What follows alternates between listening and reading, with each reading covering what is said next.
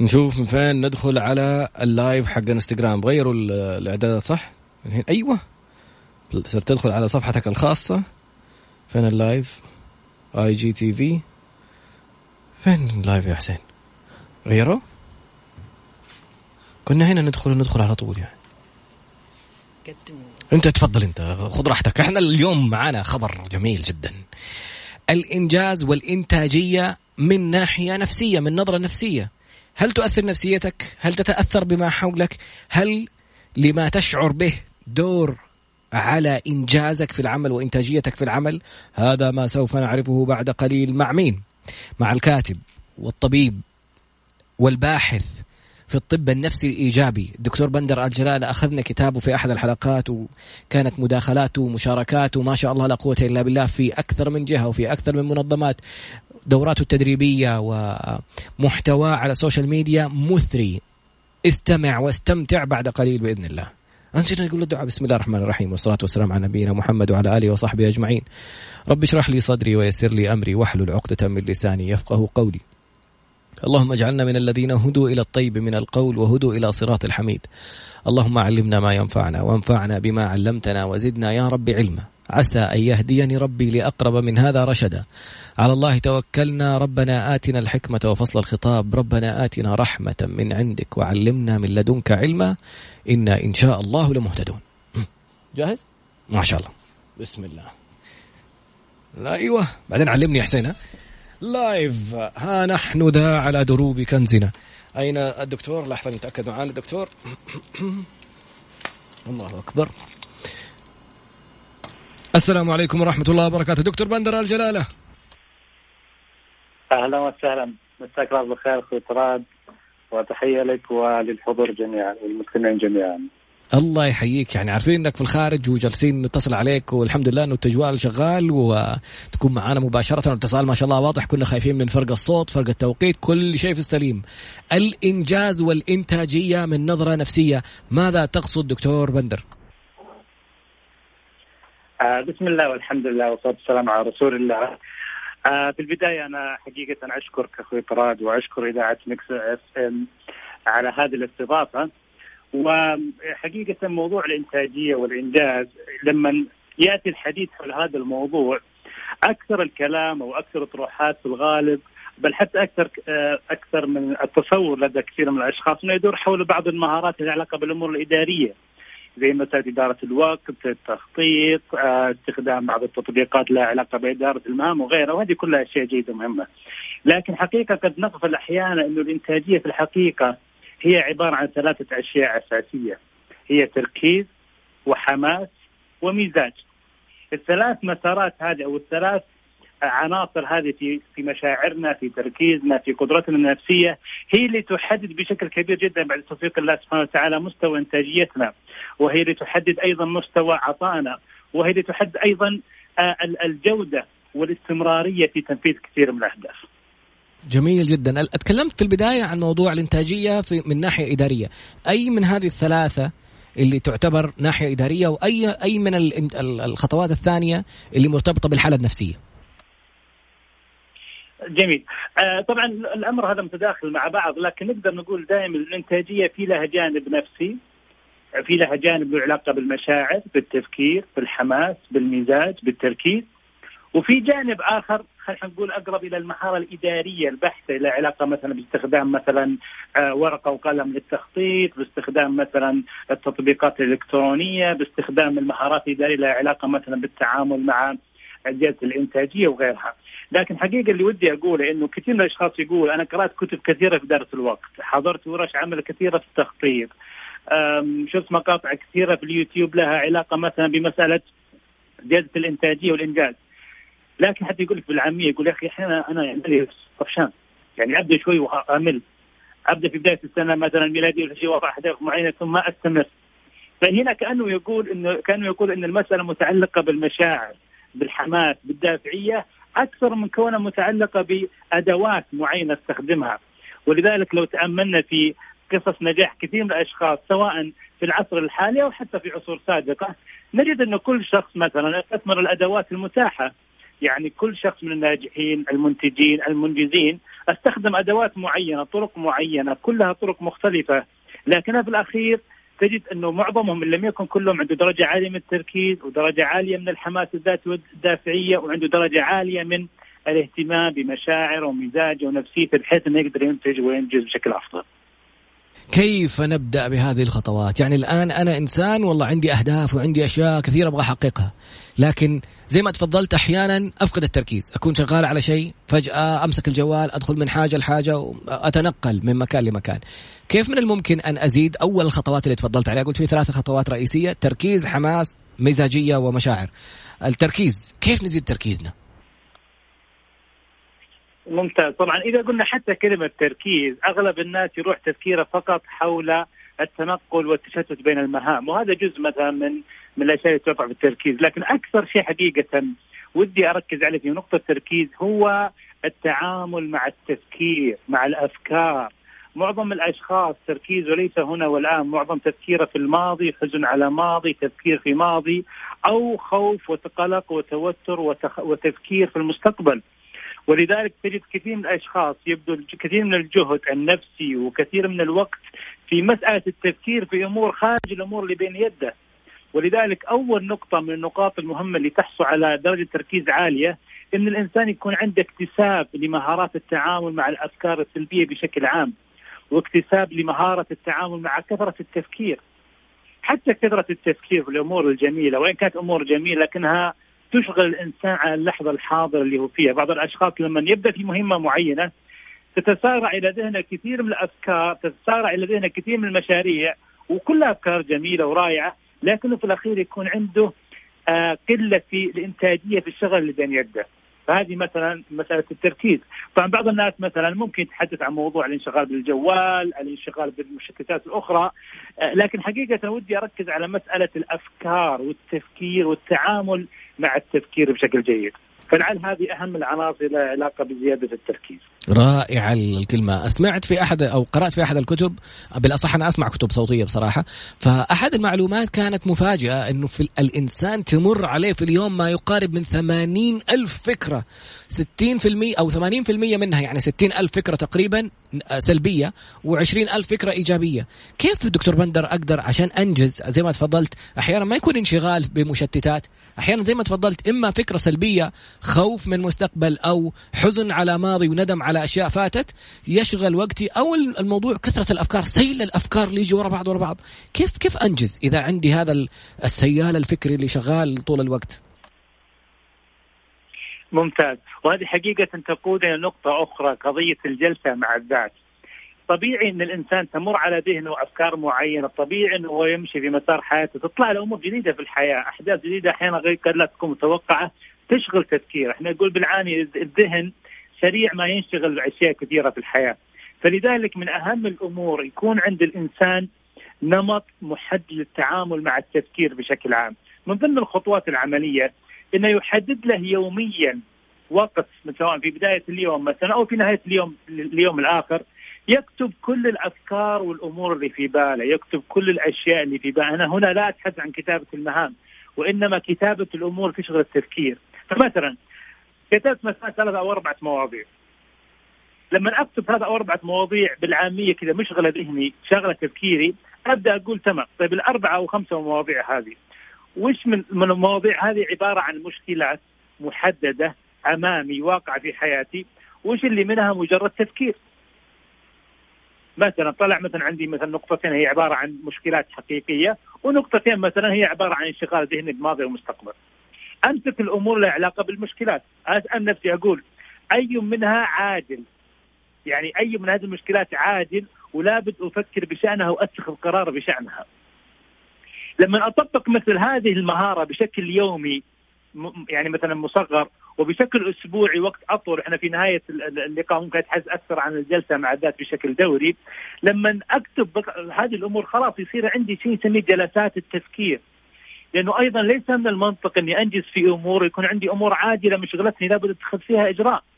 يعني من أبسط الأمور مثلا عندي فاتورة معينة مثلا شاغلة ذهني إنه كيف أقدر أسددها بشكل جيد. هذه راح تشغل تفكيري على الإنجاز والمهمة اللي قاعد أنجزها. وأحيانا ليس من المنطق أني أنجز مهمة أخرى حتى وإن كانت مهمة بالنسبة لي لكنها ليست عاجله لأنه مهما كان لن انجزها بشكل جيد وقد أمارس نوع من الهروب من حل المشكلة العاجله لأن راح تبقى في الذهن عبارة عن ملف مفتوح ما راح أقدر أركز باللي في في اللي بين يدي. فهذا نمط من أنماط لها علاقة مثلا بالتعامل مع التفكير الحالي وفي نقطة أخرى اللي هي لها علاقة بالمزاج كنت اتحدث عنها لاحقا إنه الإنسان يكون عنده قدرة على التعامل مع الأفكار وليس مسألة التخلص التام من كل الأفكار السلبية وإنما يفعل عضلة التفكير هنا والآن هي عندنا ولعلنا ممكن نتحدث عنها في في ثنايا الحلقة. جميل جدا ما شاء الله لا قوة إلا بالله. جدا رائعة الفكرة الخاصة بموضوع ال الوقت. كان مين اللي يتكلم عنها؟ آه توني روبنز كان يقول don't think it ink it أحيانا يكون مجرد فكرتين متصادمتين في نفس الوقت في تفكيرك يشتتك مجرد ما تكتبها في ورقة وتحط إيش الأفكار اللي أنا جالس أفكر فيها. الآن إيش اللي شاغل بالي؟ زي ما تفضلت الآن جالس أقول مثلا استمرارنا في في المكتب أو الانتقال منه. طول ما هذا الموضوع جالس يؤرقني كذا ماني عارف أركز في أشياء ثانية. بس أنا عارف إنه هذا الموضوع ينتهي في 25 ديسمبر. يعني قدامي أكثر من شهر ونص تقريبا. فأكتب قدامك وقت تقدر تخصص فيه المواضيع الآن تقدر تركز على أشياء ثانية. ففعلا زي ما تفضلت هل هو عاجل عشان أتعامل معاه الآن؟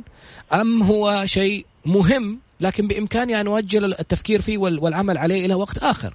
في المقابل أنا جالس اذا إذا أشغلت نفسي في هذه النقطة اللي بعد شهر ونص أنا جالس أضيع من من وقتي. على قولك مثلا فاتورة واجبة السداد. بإمكاني أن أعمل يعني عليها وأنجزها. هذا مثال واقعي عملي. الواحد جالس يفكر فيه الآن جالس أنت تتكلم وأنا أتذكر نفسي وأنا عارف إنه كل واحد الآن أنت وأنت جالسين كذا تتذكر كل موقف من المواقف هذه وتربطها. الفقرة القادمة لو تعلمنا على كيفية التعامل مع هنا والآن. لفتني هذا الموضوع لأنك قلته أكثر من مرة. سبحان الله العظيم الآيات ربنا بيقول لا خوف عليهم ولا هم يحزنون. الخوف دائما مترتب على شيء قادم. أنا خايف.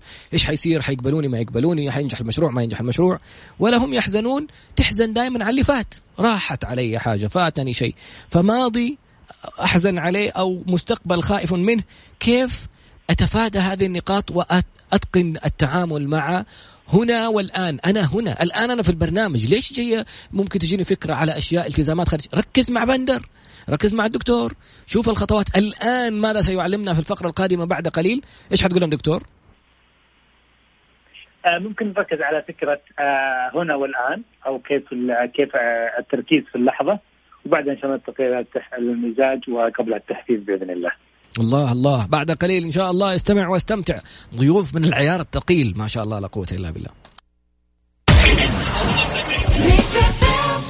عدنا مجددا ومع الدكتور بندر آل جلالة الطبيب النفسي والباحث في الطب النفسي الإيجابي واليوم الموضوع الإنتاجية والتركيز.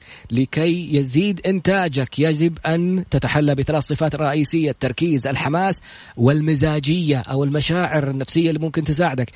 تكلمنا في الفقرة الماضية عن أغلب الناس يقع في فخ الحزن على الماضي أو الخوف من المستقبل. كيف أكسر هذه الحواجز وأعيش اللحظة هنا والآن مع دكتور بندر الجلال تفضل دكتور.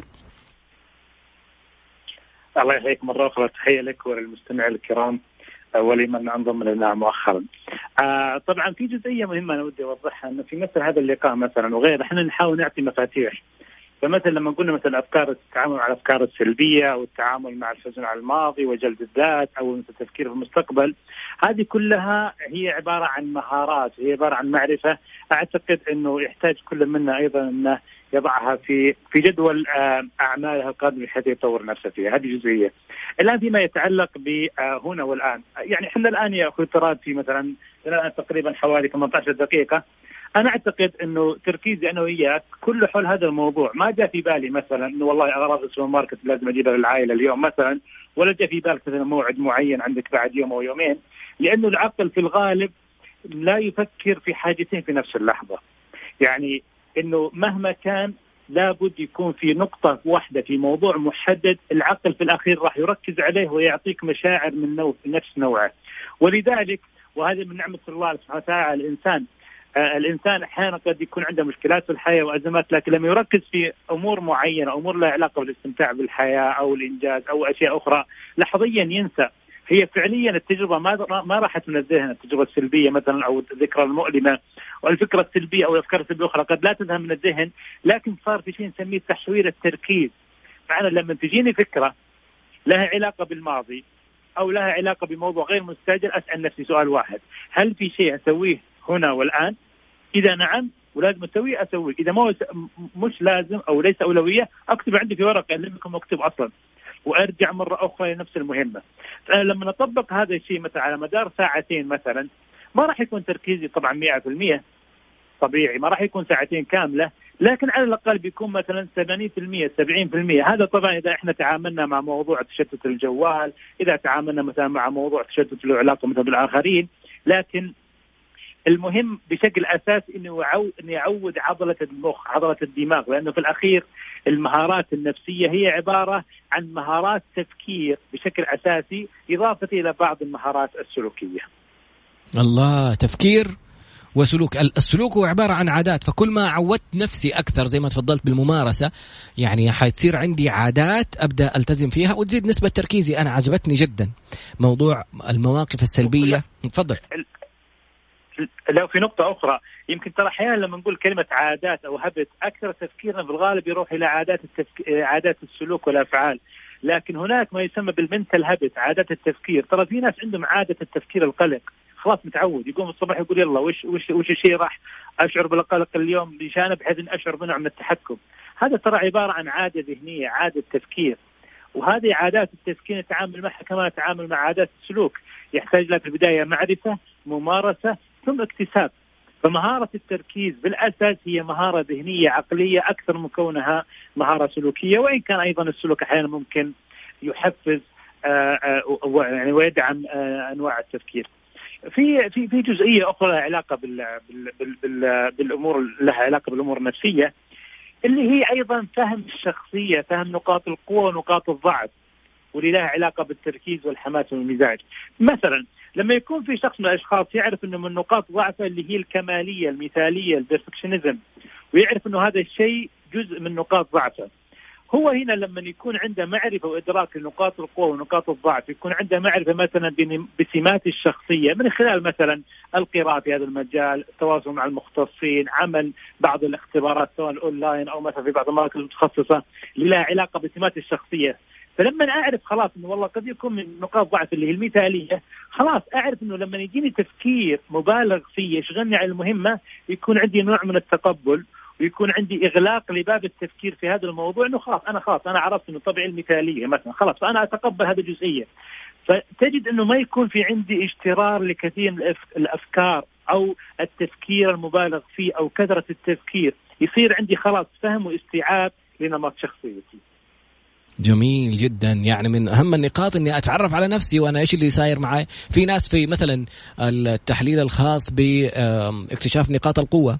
يعني يعطيك تقسيمها إنه والله هذه نقاط القوة الخمسة العليا اللي عندك. إيش أكثرها؟ يعني هل هي كلها متركزة في مجال واحد أو مجالين؟ عندنا تقريبا من أربعة إلى خمسة مجالات. آه، يعني أنا طلع عندي موضوع التواصل مع الناس والتأثير على الناس لكن عندي ضعف كبير في موضوع الإنجاز. فأحتاج بدل ما أجلس ألوم نفسي أنا بس أطلع أفكار أنا بس أتكلم أنا ما أنجز. يا أخي جيب مين يساعدك على موضوع الإنجاز. يعني إذا في إنسان ممكن ينفذ أفكارك تعاون معاه. أو كيف تطور إنجازيتك أو قدرتك على الإنجاز تتدرب على هذا هذه النقطة أو على مهارة معينة بحيث إنك تقدر تنجز حاجة بنفسك يعني execute إنك تنفذ هذا هذا الموضوع. مجرد معرفتك بهذه النقاط تقول الحمد لله على نقاط قوتي والحمد لله إنه في ناس عندهم نقاط قوة غيري مختلفة عني عشان نتكامل لأنه هو عنده نقاط التنفيذ. في الفقرة القادمة ماذا تقول لنا دكتور بندر؟ راح نتحدث بشكل أساسي عن التحفيز الذاتي وراح نعطي فيه إن شاء الله بعض الخطوات العملية. جميل جدا. شكرا على متعة الطرح وغذاء الفكر. بعد قليل نتابع إن شاء الله مع الدكتور بندر الجلالة الطبيب النفسي والباحث في الطب النفسي الإيجابي. استمع واستمتع. عدنا مرة أخرى ومع الدكتور بندر آل جلالة ما شاء الله تبارك الله. multi system. الدكتور معانا على التليفون ومعانا على الإنستغرام live داخل. اكتب B underscore جلالة. J A L A H بدأت ألخبط. المهم أكتب جلالة ويطلع معك. فنتابع مرة ثانية دكتور. وصلنا إلى تحفيز النفس. عرفنا كيف نركز. باقي كيف نتحفز. تفضل سيدي. ممتاز. طبعا أنا لا يمكن أتجاوز نقطة التركيز آه قبل أن نذكر بمسألة إدمان الجوال وأنا أعتقد الكلام في هذا كثير يطول. فهذا أيضا من النقاط المهمه الإنسان لازم ياخذ آه آه باله منها. فيما يتعلق بالتحفيز في إحدى الدراسات آه، يعني أحد الباحثين يقول إنه قرابة 88% من الأهداف اللي يضعها طبعا على حسب على حسب العدد اللي السامبل الدراسة والعدد اللي صلح عليهم الدراسة يقول 88% منهم لا يطبقون ولا ينفذون أهدافهم يعني وضعوها من بداية السنة. وأهم سبب من هذه الأسباب يقول ليش فقدنا التحفيز؟ طفشنا يعني تضايقنا يعني. ما عاد صار في دافع ما في حماس ما في شيء يدفعني من يعني من داخل. ولذلك من أهم الأمور اللي لابد نعرفها في مسألة الإنجاز والإنتاجية. طبعا أنا هنا أتحدث عن نوعين من الإنتاجية.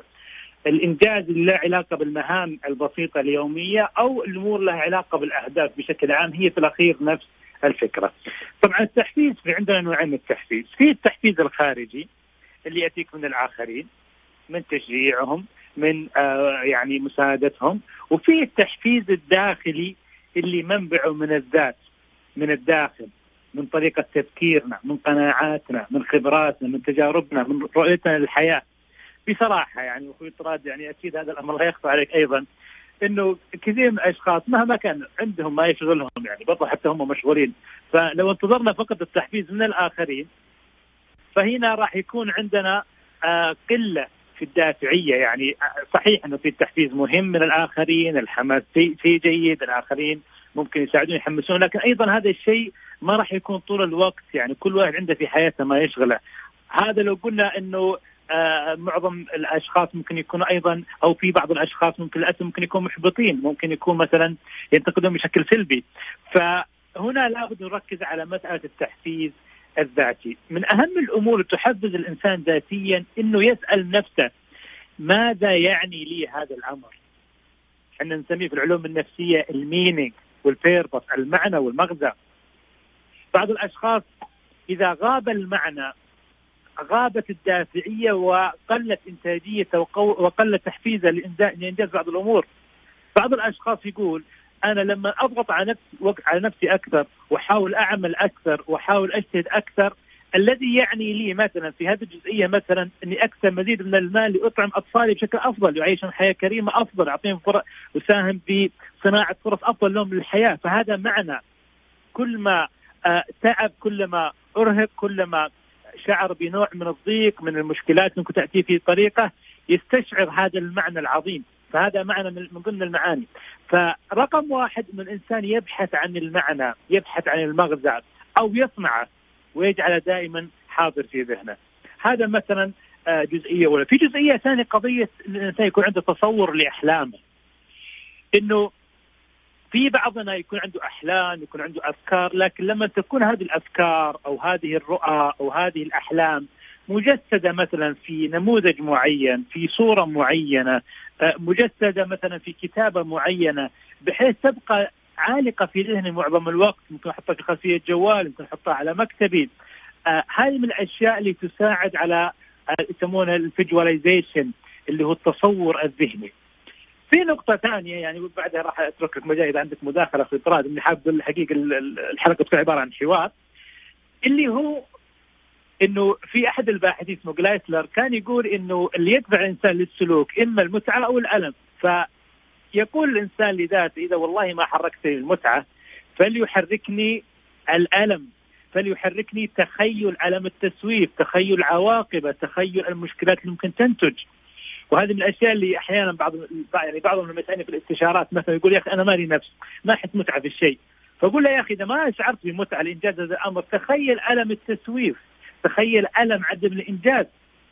إنه في الأخير لابد يكون في عندنا مشاعر داخلية تدفعنا للعطاء جميل جدا ما شاء الله لا قوة إلا بالله. النقطة الهامة جدا اللي تكلم عنها دكتور يعني جالسين نشوفها نفس في جلسات مثلا ال coaching يعني آخر الجلسات في ال coaching والكورسات اللي بناخذها بيتكلم عن هذه النقطة إنك شخص يقول لك والله أنا هو كل إنسان عارف يعني إيش هدف أبغى أحققه وعارف الأشياء اللي أبغى احققها بس ما بيتحرك إليها.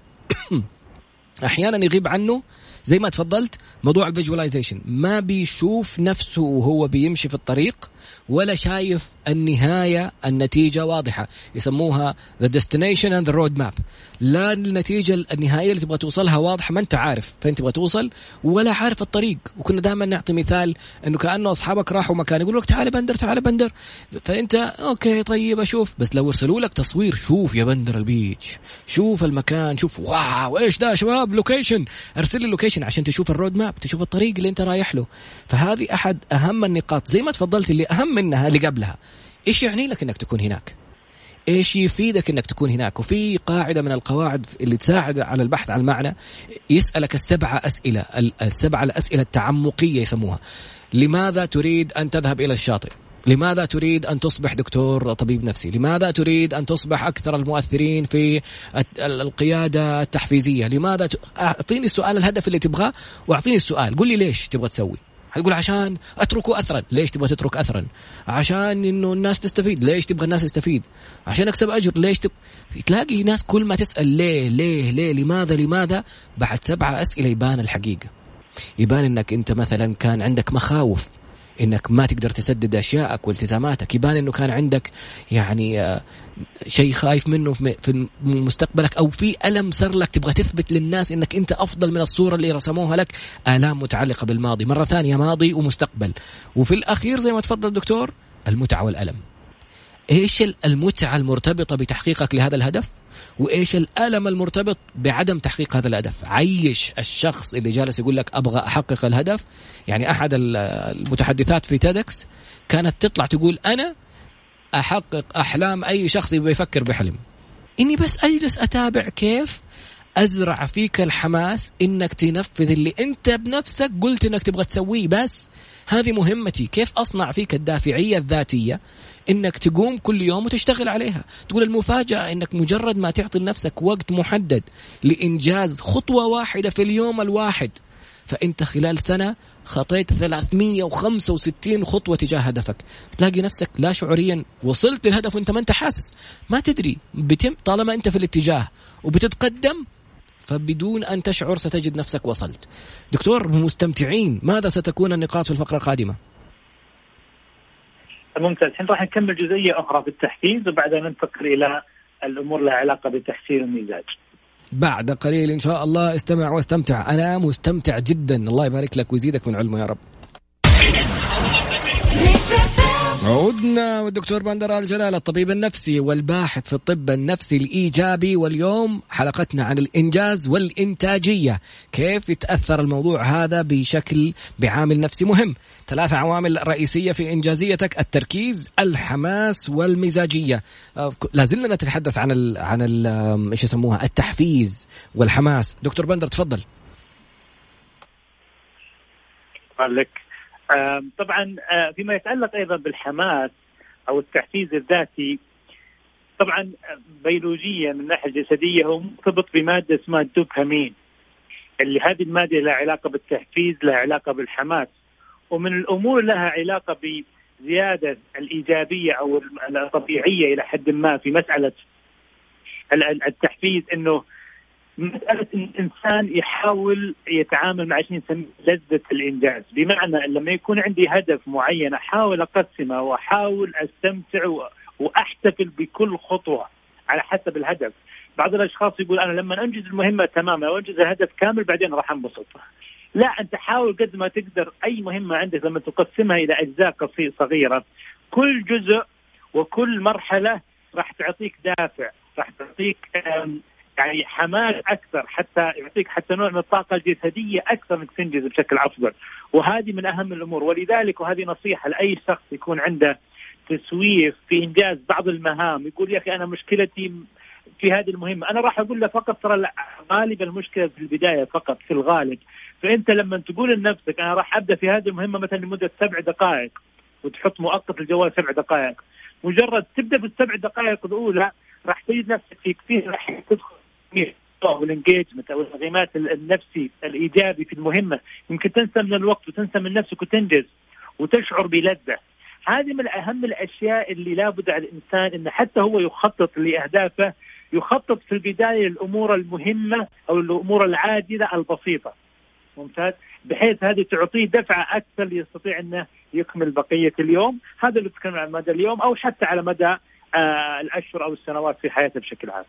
جميلة جدا. خصوصا زي ما تفضلت والله أنا جالس أقول لهم اليوم حاسس بسعادة لأنه أحد المتابعات الله يسعد قلبها هي دكتورة أيضا طبيبة. فنقلت معلومة فلقيتها هي طبقتها أنا ما طبقتها عن عن صور في القرآن الكريم بتقرأها بكل يوم ما شاء الله عليها. سورة البقرة والستة توائم اللي هم الأعراف والأنفال ياسين والصافات ومحمد والفتح. وبتحكيني على فتوحات ما شاء الله لا قوة إلا بالله صارت كانت تحلم فيها.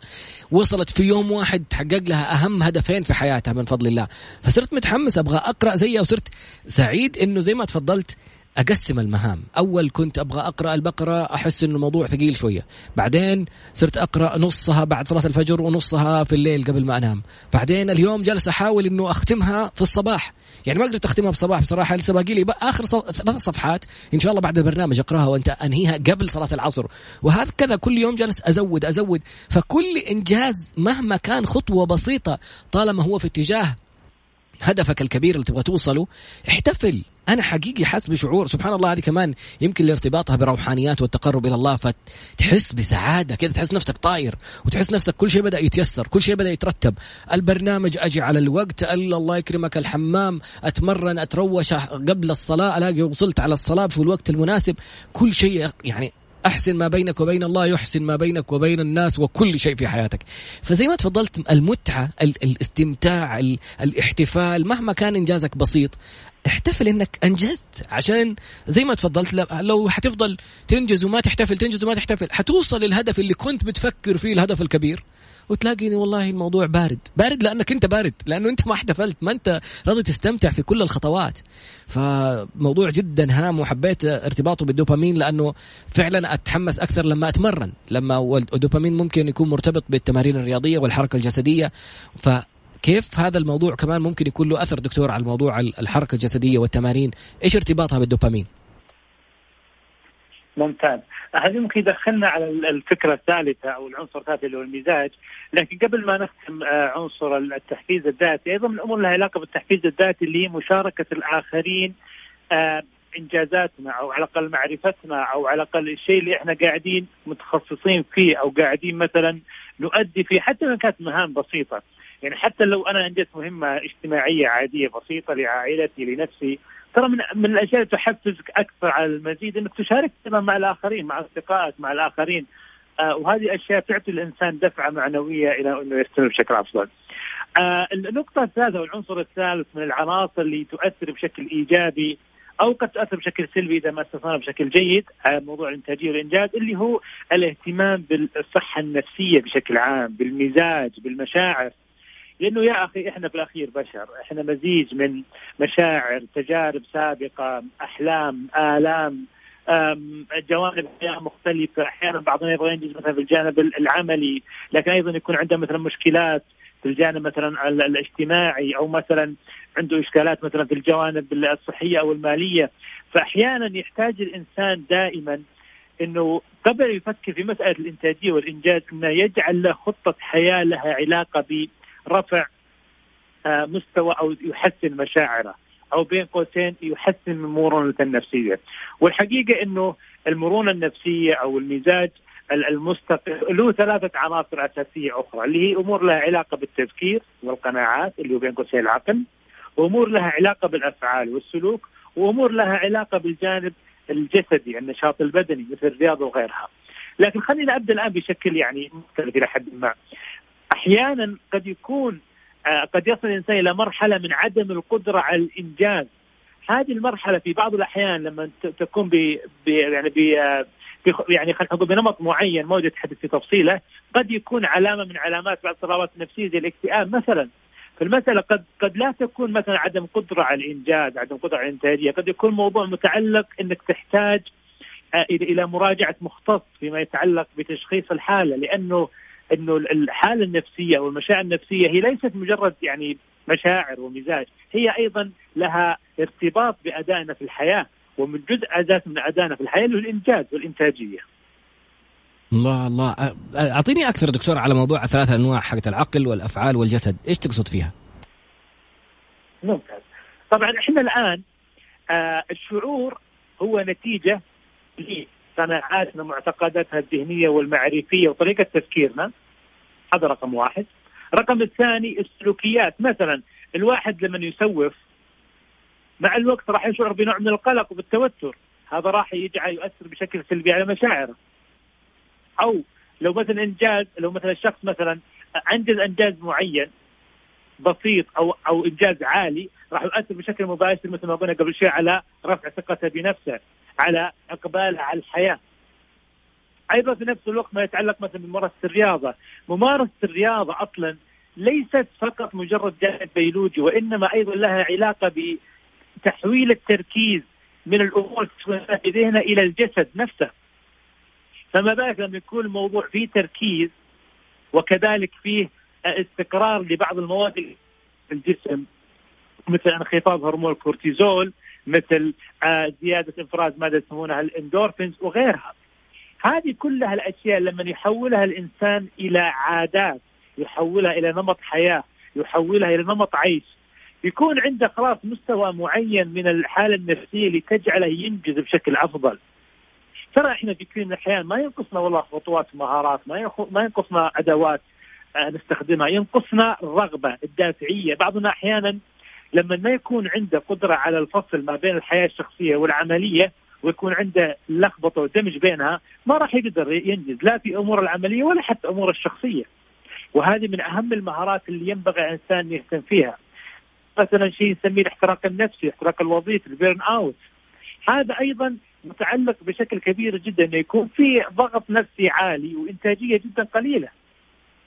وهي من الأمور لها علاقة بمسألة التعامل مع التفكير مع المشاعر التعامل مع الحاله الجسدية. وطبعا الموضوع آه، يعني في تفصيل كثير. بالمناسبة أنا عندي ورشة عمل مجانية موجودة على اليوتيوب.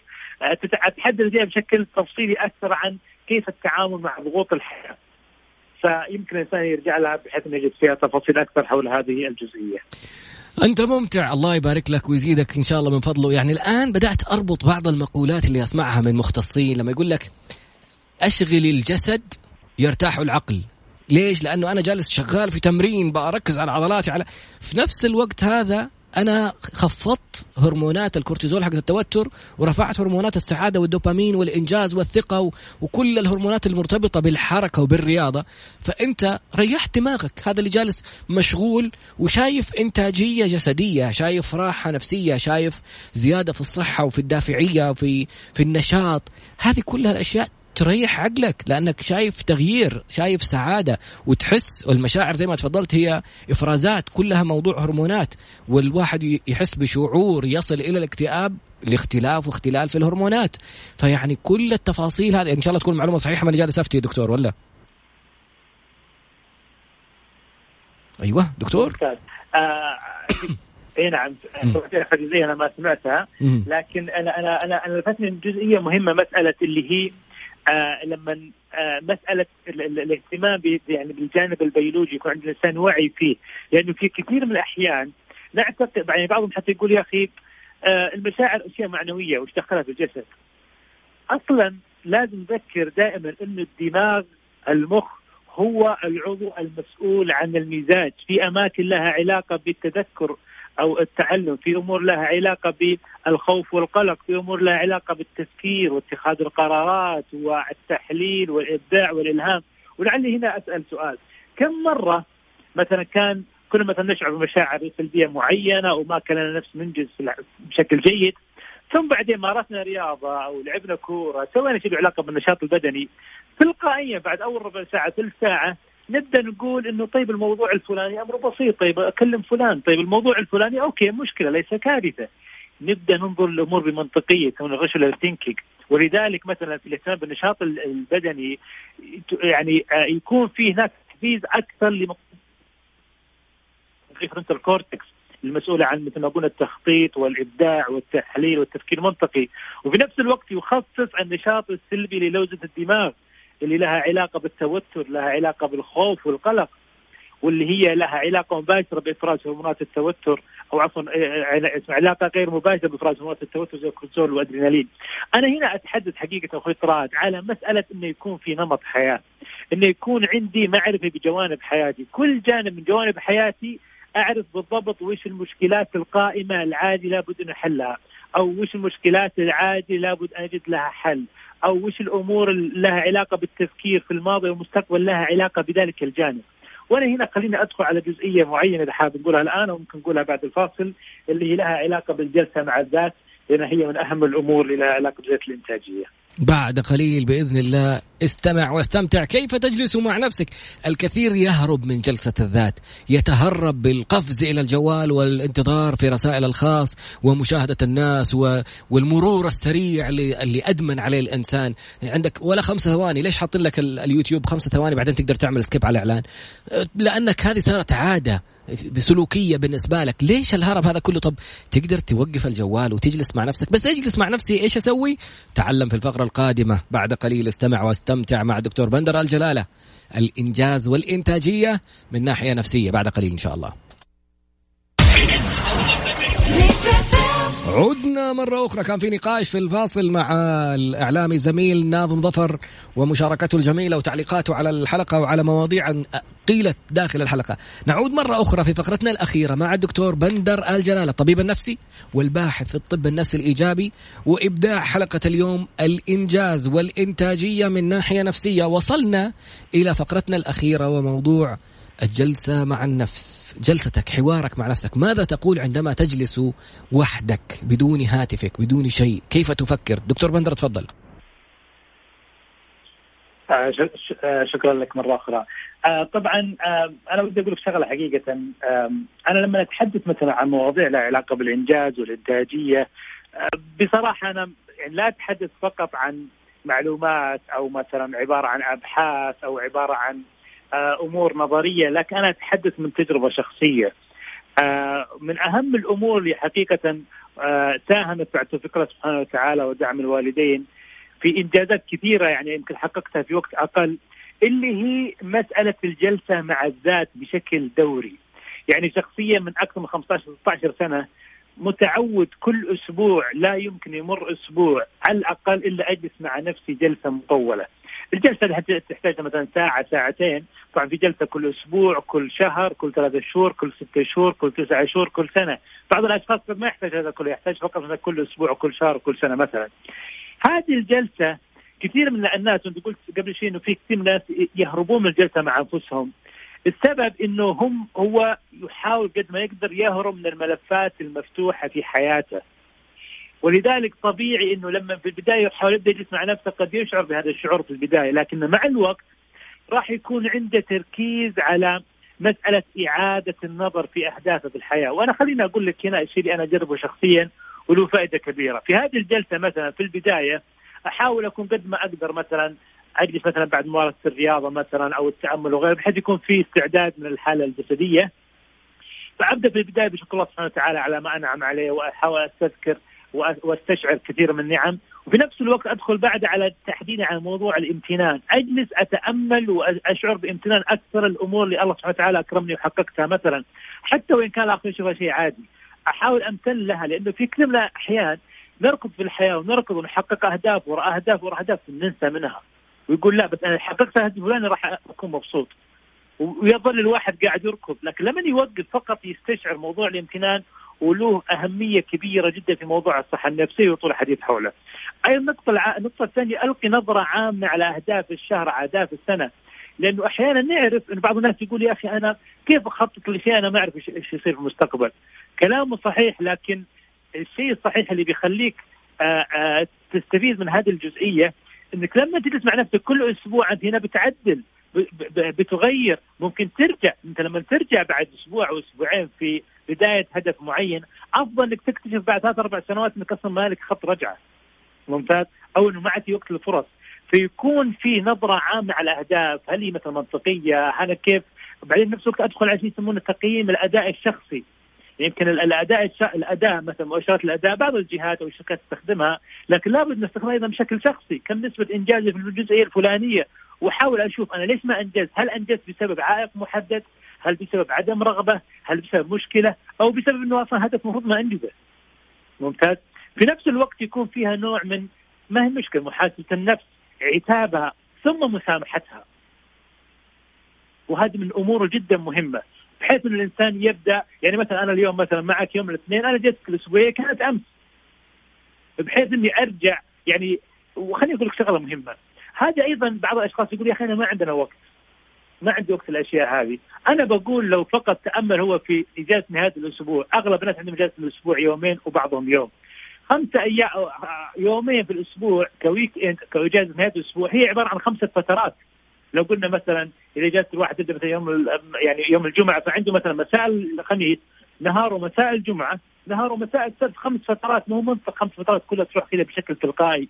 في نفس الوقت ما هو منطق الواحد يشتغل في الويكند إذا ما كان شيء ضرورة وعاجله فهذه من أهم الأمور اللي لابد الإنسان يحرص عليها الجلسة الذاتية والمراجعة الذاتية هذه من أهم الأمور اللي تخلي عندك نوع من الاستمرارية والتحفيز الذاتي المستمر.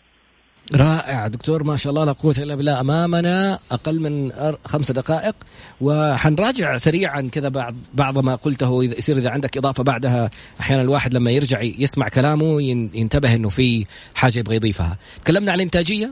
مختلفة الإنتاجية من ناحية إدارية والأدوات اللي تستخدمها والأبليكيشنز وغيرها.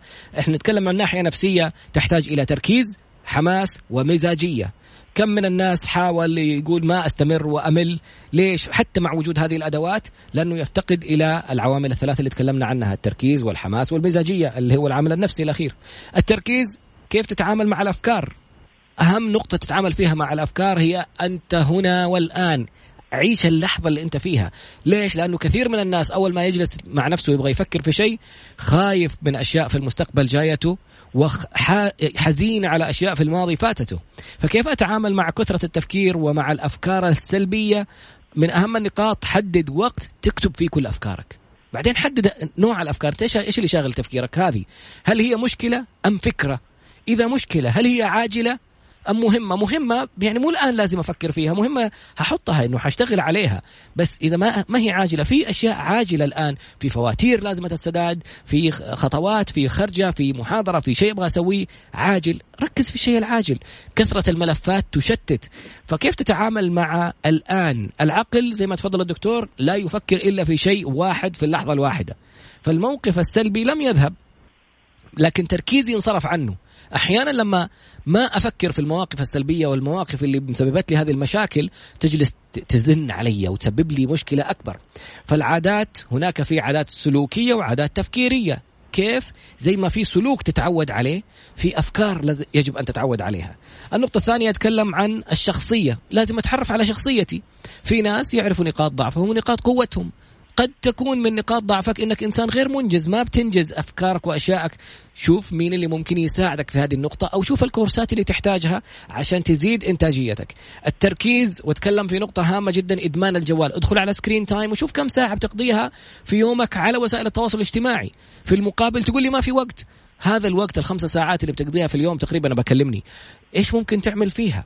التحفيز هذه النقطة الثانية بعد التركيز.